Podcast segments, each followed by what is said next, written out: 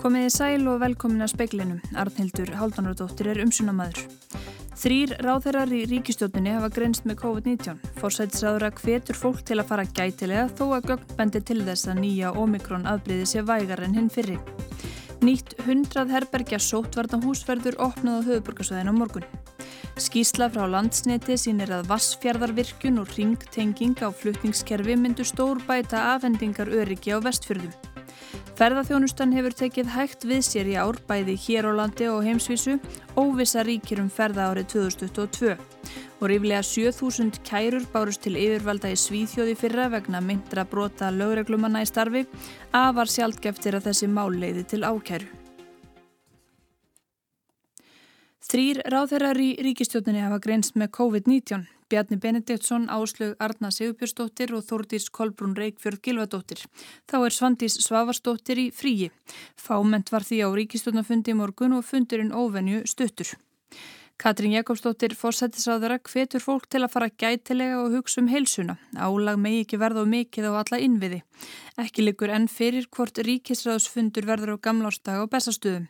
Eins og áður segir eru þrý ráðherrar með COVID og einni fríi en hefur það áhrif á störf ríkistjótarinnar. Nei, þetta hefur nú ekki beina áhrif auðvitað á störf hennar. Við fundum í morgun bara eins og hefðin stendur til og næsti reglulegi fundur okkar er uh, snemma á nýju ári og við reiknum bara með því að halda sjó en sjálfsögðu erum við í sambandi þó að ráþurra sé ekki að mæta á fundi og til að mynda uh, vegna þess að hér hafa nú verið stór mál frá fjármálar ráþurra sem hafa verið afgreitt í þingin í dag þá hefur þetta verið í tölverðu sambandi um þau mál. Það er hefð fyrir ríkisráðsfundi á bestastöðum á gamlástag. Verður hann? Já, við fórsetin vorum í samskiptum í dag og ætlum hérna að vera bara að meta stöðuna á morgun. Það liggur alveg fyrir að eins og staðan er núna þá er að mista kosti fjóri ráþeirar forfallaðir. Það er alveg verulegur hluti ríkistöðnarinnar þannig að við ætlum aðeins að meta stöðuna núna á morgun. Áramótin er eftir örfáa daga. Hver eru þín helstu skilabóð til fólks á þessum tímapunkti? Ég fara gætilega og hugsa um helsuna. Því það skiptir máli þó að, hérna, eins og ég segi, þó að gögnin bendi til að veikindin séu vægari að uh, álægið verði ekki of mikið á alla okkar innviði og við sjáum það að þeir eru undir miklu álægi núna og það er okkar sammeginlega verkefni að tryggja að þeir beri engan skada í gegnum þennan skapli. Saði Katrín Jakobsdóttir fórsættisáðara nú rétt fyrir fréttir, Jóhanna Veitis Hjaltadóttir talaði við hana. Hundrað herbergi fyrir fólki sótt kví og einangrun bætast við á morgun þegar nýtt farsótahús verður opnað á höfuborgarsvæðinu og á mánudag bætast önnur hundrað herbergi við þegar allt hótelið verður tekið yfir og búið verður að tæma það af gestum. Unnið er að því að flytja gesti hótelsins á önnur hótel til að rýma fyrir gestum sem að þurfa að vera í einangrun. Þetta staðfestir Gilvi Þór Þorstensson um sunamaður sóttarnahúsa Rauðakrossins. Um 60 býð eftir því að komast á farsáttarhús og Gilvi segir þau hafa lendi vandraðum því hótel hafi vísað út gestum sem grenst hafi með COVID-19. Þetta skapi ákveðin vandamál því að þetta sé fólk sem að endi þá bara út á götu. Víðir Einarsson yfirlaurglu þjóttn almannavarna segir delta afbreyði kórnverunar en ráðandi hjá þeim sjúklingum sem hafa verið að leggjast inn á landspítalan. Aðeins þrýr þeirra sem lagst hafi inn á spítala undarfarna viku séu með omikron afbreyðið. Allir hinnir séu smitaðar á delta. Spálíkun gerar á þeirrir að omikron afbreyðið verði meira ábyrrandi meðal sjúklinga á nýju ári. Já, ég sé ekki af hverju þetta verður öðru sér okkur en sem við spretum á dönum sem eru svona sambarlegir, eða mjög, mjög nálat okkur í bólusetningum og sérstaklega örfuna bólusetningunni, Danið til dæmis bara svolítið fyrir neðan okkur og, Breitland rétt fyrir neðan, að ég veit ekki hverju þetta ætti að vera öðru sér okkur heldur mjög þeim þar sem að við sjáum verulega aukningu í þessu og, og bæði Breitar og Danmark hafa verið að gefa skýslunum það að ástandið sé að þingjast verulega í helbriðskerfni hjá þeim og ég held að það væri óráð fyrir okkur að búa okkur undir eitthvað annað hjá okkur saði viðir í síðdegisúttorpinu, innlögnum sé að fjölga á landsbytalanum og smitandi fólk kalli á önnur viðbröð. Það er ákomið fleiri starfsmanna vegna bara þess að starfsfólk endist ekki allan daginn í þessum síðabúnaði sem það þarf að vera. Þannig að það þarf að skipta fólki út meira og hafa þá fleiri að og veldur miklu meira, meira álægi á þá starfsmenn sem eru fyrir. Björn Sóega, forstjóri Karolínska sjúkrahúsins í Svíþjóð, segir erfitt að bera saman smitbylgjur í Svíþjóð og Íslandi. Fleiri séu til dæmis þrý bólusettir hér á landi. Ekki sé ljóst hvort svíjar séu komnir yfir erfiðasta hjallan. Nei, það er ekki vitað í sjálfu sér en það eru ymsar tilgátur um það að þetta gæti verið svona bara komið á toppin eftir 2-3 vikur eins og hjá öðrum. Svo fer þetta eftir útbyrðislu nýju tegundunar, Omikron sem virðist hafa minni áhrif á það hversu veikt fólk verður og það er svo margt svo óljóst í þessu. Við erum líka í Svíþjóða klíma við influensu A sem er, hefur svona ítt undan eh, COVID-vandamálunum eitthvað leiti því það er mjög, mjög stór bylgi af influensu núna. Uh, og eru áhyggjur af hvort heilbríðskerfi ráði við þetta? Í heilbríðskerfi hefur sínt það að það réð við þetta þegar þetta var sem verst þegar við vorum með yfir þúsund manns innlagða á Stokkonsvæðinu og, og yfir 200 manns inn á Gjörgjæslu þannig að við höfum auðvitað áhyggjur af því að, að þetta verði erfitt fyrir fólki en við vitum að heilbríðskerfið ræðið við þetta og hefur ráðið við þetta hinga til. Björn segir að reynsla hans í Svíþjóð komi sér vel í ráðgjafastörfum hans fyrir heilbríðisráð þeirra hér. Algjörlega, ég, ég reyna að koma þeirri reynsla framfæri því að það sem við höfum verið að vinna við með í COVID-vörnum með inn á spítulunum sérstaklega það er nokkuð sem er, hefur hérna bara held ég mjög sérstakt og, og, og ég haf aldrei lendið í áður og við lærðum alveg ótrúlega mikið hvernig við ættum að bæða að breyðast við og, og auka getuna og vinna með spítalan og allt starfsfólkið á spítalanum ekki bara það sem vinnur að uh, gjörgjæslu eða bráðamóttöku eða síkingu. Þetta var Björn Sóega, Dagný Hulda Erlendstóttir talaði við hann og það leðristist hér með að áðan var sagt að Svandi Svavarsdóttir væri í fríi en hún er ekki fríi heldur að býða eftir niðurstöðu úr PCR-prófi. Ný virkun í Vassfyrði myndi valda strömmkvörfum í afhendingar öryggi raforku og vestfjörðum samkvæmt nýri skýrslu landsnets. Orkubústjóri vil að orkukosturinn verði tekinn til umfjöllunur. Skýrslan skoðar áhrif ímessa kosta til að bæta afhendingaröryrki raforku og vestfjörðakjálka. Áhrif nýra virkjana í Vassfyrði og djúpi voru skoðaðar á samt tvöföldun vesturlínu sem tengir kjálkan við landið allt. Sumulegis voru áhrif sterkara flutningskerfis innan vestfjörða í formi ringtenginga á norðurfjörðum og sunnanverðum vestfjörðum skoðuð. En þær framkvæmdir eru þegar á áætlun hjá landsneti. Samkvæmt skýrslinni myndi virkin í Vassfyrði á samt ringtengingum sem þegar er að dasgra draga mikið úr rafmakströflunum, meira en að tvöfalda vesturlínu. Elías Jónatansson, orkubústjóri hjá Orkubúi Vestfjörða, segir skýrt að ný virkin í Vassfyrði sé ákjósanlegur kostur. Hann þarf við að fá sína umfjöldun bæði út frá umhverfismálum og, og öðrum. Nú er búið að skoða hver áhrifin eru á ráorkukerfið og, og þá er eiginlega næsta skref að, að, að valkostur sé tekinn til formlegar umfjöldunar. Nývirkun í djúbi gæti haft sömu áhrif en þá þurfti einning að leggjast í tvöföldun vesturlínu frá kollafyrða mjölká sem er dýr og erfið framkvæmt. Elíja segir þó mikilvægt að ekki sé fallið frá því markmiði að tvöfalda vesturlínu á endanum. Vassfjörðavirkun getur stuðlaðað miklum breytingum. Strömleisis atvikum myndi til að mynda fækka um 90% á Ísafjörði. Þá væri sömuleiðis hægt að geima raforku í lónum sem kæmi með virkunni. Við getum eiginlega sagt að svona stórt sér að við séum að með tíu svona meiri orku í lónum eftir vassfjörðavirkun heldur en fyrir. Með þessu er þeir landslitin nær því að vera sjálfum sér nægur um rávorku en núna er um helmingur þeirrar orku sem er nótið á vestfjörðum fluttangað af byggðalínu. Elsa Maria Guðlustóttir Drífudóttir saði frá, nú talaði við, talaði við Elías Jónatansson.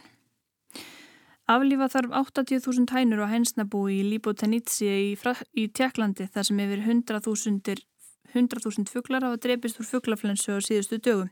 AFP fréttastofan hefur eftir talsmanni eftirlitstofnunar með dýrasjúkdómum að bráðsmitandi veira af H5N1 stofni herri á hænundar. Fyrir jól voru 188.000 fugglar á hænsnabúinu, einni þarf að eigða rúmlega 1 miljón eggja. Alls hafa verið skráð 48 tilfelli um fugglaflensu í Tjekklandi á árunu. Þau hafi ekki verið fleiri á einu ári til þessa. Fuglaflensa hefur stungið sér niður í fleiri Evrópulöndum að undanförnu þar á meðal í Fraklandi, meðal annars var tilkynntum tilfelli í Lond hér að því í síðustu viku þar sem umfangsmikil framleiðsla fói graf er fram.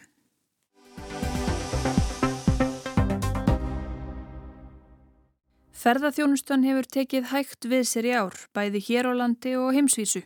Mikil óvissa ríkir um ferðárið 2022.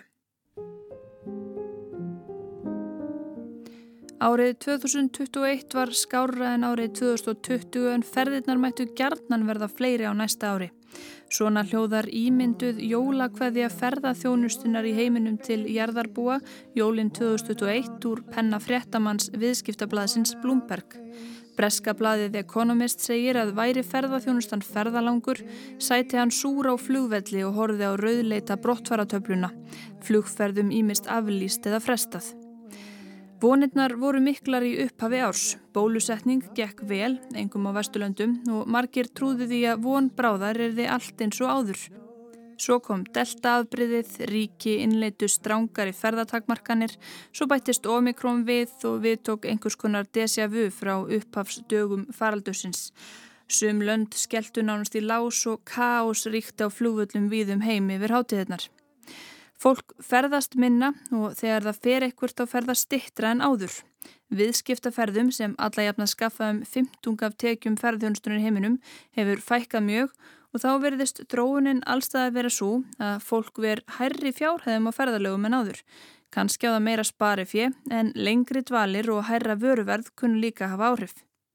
Guðrún Þóra Gunnarsdóttir, fórstuðum að rannsóknar miðstöðvar ferðamála, segir að hér á Íslandi hafi árið 2021 orðið bæði betra og verra ferðaára en fólk bjóst við.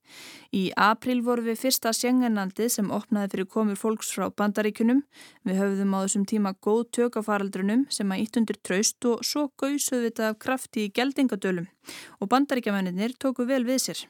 Þessi markkópur svona hegða þessi pínlítið öðruvísi heldur en áður þegar völdu lengur fóru meira um heldur en kannski svona alla jafna áður þannig að þetta var mjög svona dýrmætt uh, getum sagt búst þarna á þessum tíma og sömarið víða var mjög gott og jafnvel sumstaðar þannig að það var áskonun að ráða við eftirspurnina.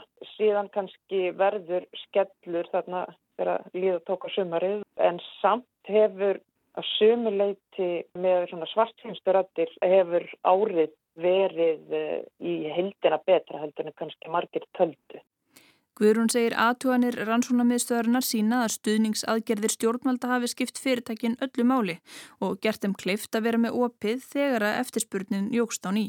Það er mjög margir sem tala um það að þetta í rauninni hafi verið eins og súreitnið sem þau þurftu. Sumarið 2020 komur yfirlega 100.000 træðurhingað.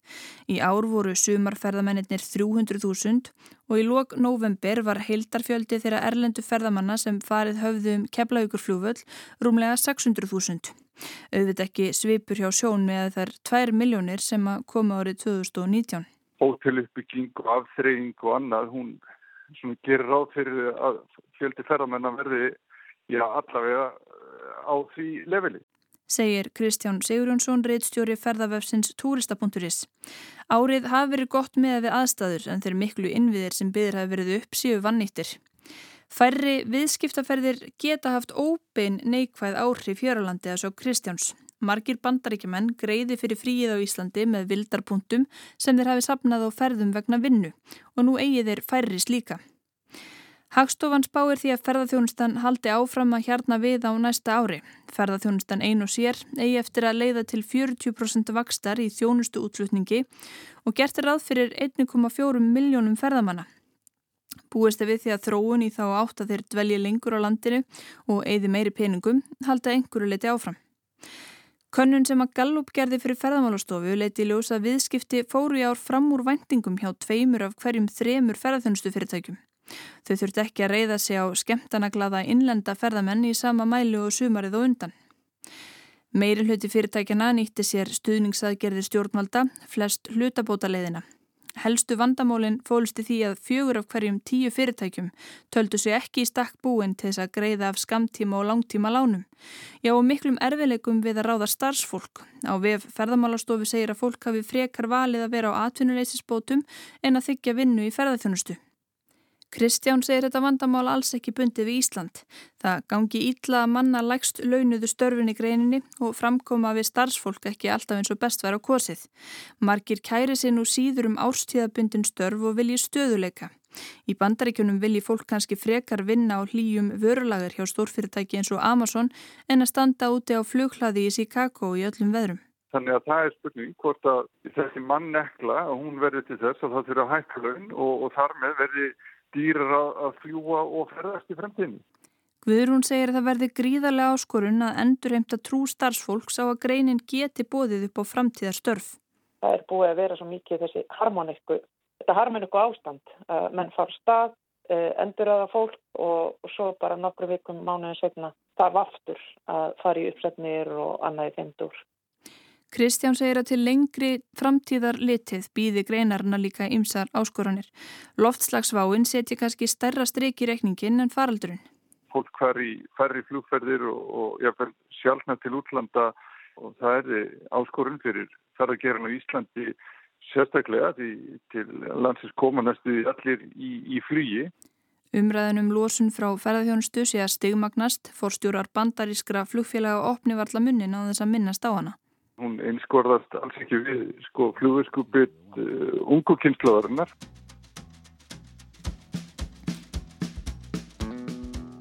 Áhrifin hafa verið mísjöfn eftir heimslutum og eðli ferðamannastaða.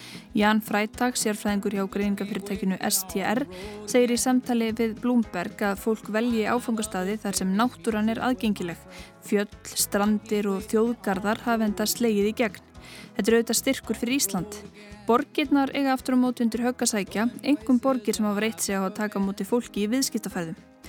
Greiningafyrirtækið horfið til mælikvarða sem tekur bæði með af tekjum og nýtingu gisturíma, tekna á hvert hótelherbergi. Í bandaríkjunum átti Flórida góðu gengja fagna, tekjur á hvert hótelherbergi meir en árið 2019.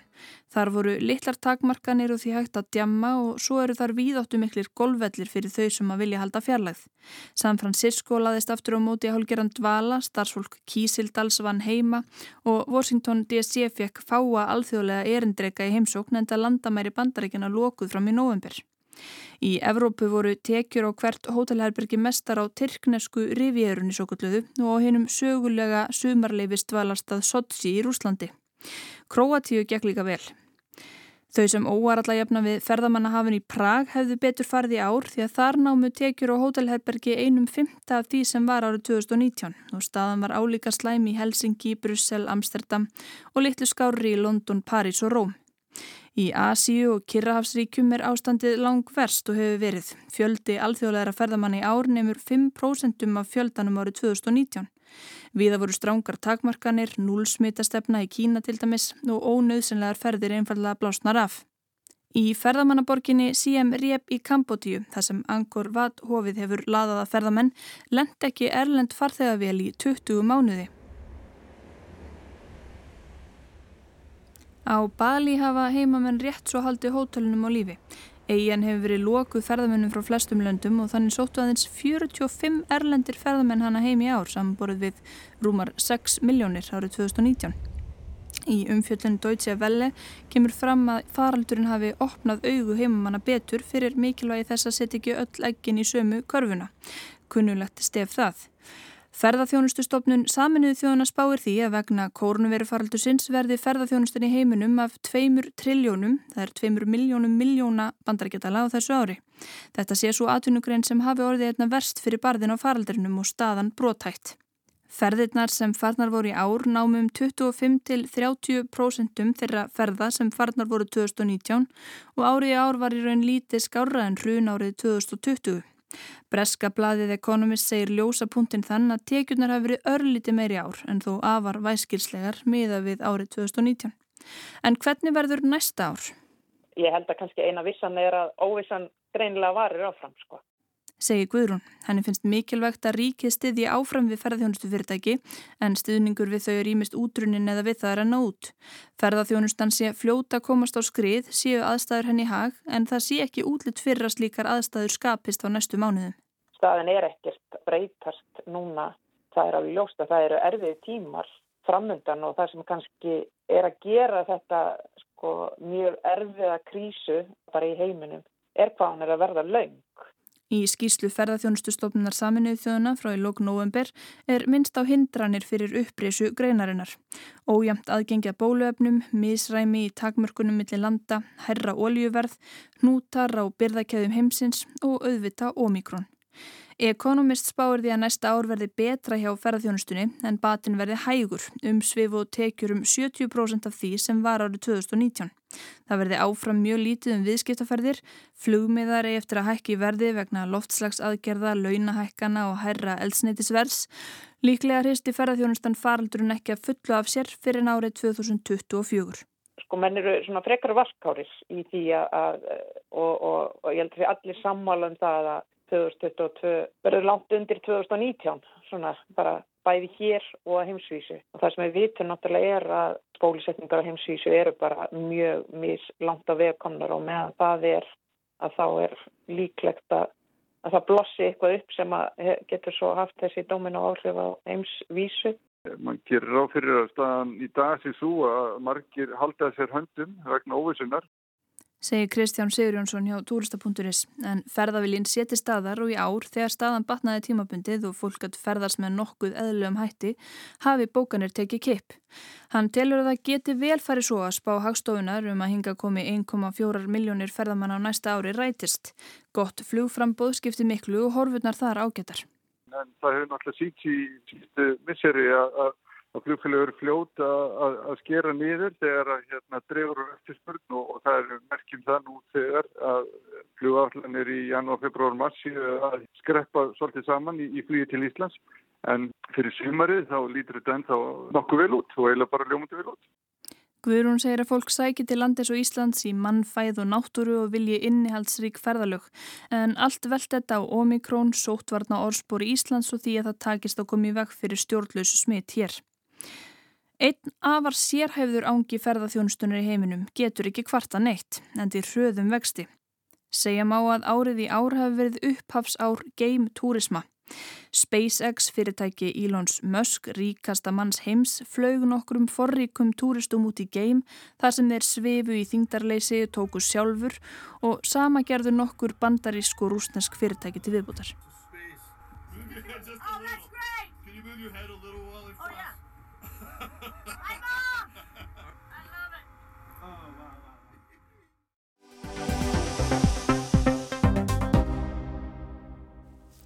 Ríflega 7000 kærur bárust til yfirvalda í Svíþjóði fyrra vegna myndra brota lauruglumanna í starfi til að mynda óhóflegrar valdbeitingar. Afar sjálfgeft er að þessi mál leiði til ákæru og hvað þá sakfellingar. Nokkur mál sem fjallaði verið um í sænskum fjölmiðlum á árinu hafa orðið til að vekja aðtikli á þessu. Kári Gilvason í Gautaborg tekur nú við. Babak Karimi lág og svaf heima hjá sér í Malmu þegar dyrnar að íbúðinni voru brotnar upp og tveir laurglumenn með alvæpni réðust inn. Hans fyrstu viðbröð voru að rétta upp báðar hendur í uppgjöf. Och sen de uh, började slå mig, uh, båda två, uh, med sånt knut händerna på, på huvudet, på ansiktet, på öronen. Svo byrjuðu þeir að berja mig báður tveir með kreftum nefum í hausinn, andlitið, eirun sagði Baba Karimi við fréttamann sænska ríkisjónarpsins í sumar. Laurglan grunaði Karimi um alvarleg brot, nöðgun og brot gegn barni út af myndum sem Karimi hafði sendt í gegnum eigið tölvupostfang.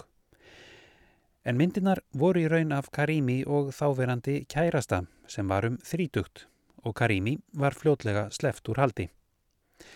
Hann var hins vegar ítla lemstraður og miður sín og ákvað að kæra lauruglumennina tvo fyrir líkamsárás og brot í starfi. Rannsókn á meintum brotum náði eins og er ekki langt. Saksóknari yfirherði tvo lauruglumenn sem hafðu verið fyrir utan íbúðina en treysti sér ekki til að yfirheyra meinta gerendur. Baba Karimi gata ekki borið kennsl á lauruglumennina en það hafðu þeir verið með hulin andlit og því gata hann ekki sagt hver gerði hvað.